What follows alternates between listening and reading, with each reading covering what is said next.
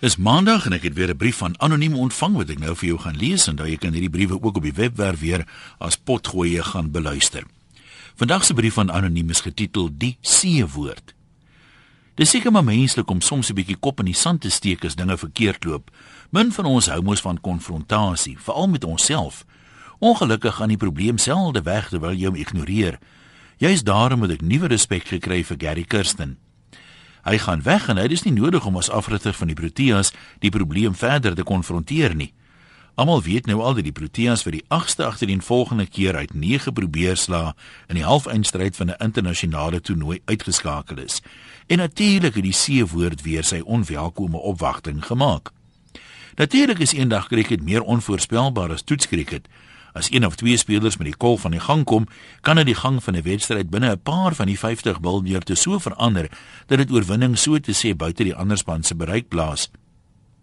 Maar dan sê die wet van gemiddeldes ook dat die Proteas dan seker een of twee keer self al die wilger laat die praatwerk moes laat doen het. Ongelukkig verloor hulle dikwels eerder teen hulle self as teen die oppositie. In sy laaste perskonferensie sou Gary nie verskonings nie. Hy sê reguit, ons het weer gechoke en hy weet nie hoekom nie. Dis nog 'n vraag wat die kenners op loslip gerus kan probeer ontrafel. Die probleem lê nie noodwendig by die spelers nie. Kaptein AB de Villiers is een van die bestes ter wêreld, maar die manier hoe hy sy paaltjie weggegooi het, laat 'n mens wonder wat in sy kop aangegaan het. Die probleem lê dalk juis in die spelers in die spelers se koppe eerder as in hulle kolwe. Maar hoekom is talentvolle spelers skielik soos hasse in die hoofligte as hulle daai een wedstryd moet wen om deur te dring na die eindstryd toe? My een vriend wat 'n wiskunde onnie is, sê hy sien gereeld hoe slim kinders se muur toeslaan as hulle net die woord wiskunde hoor.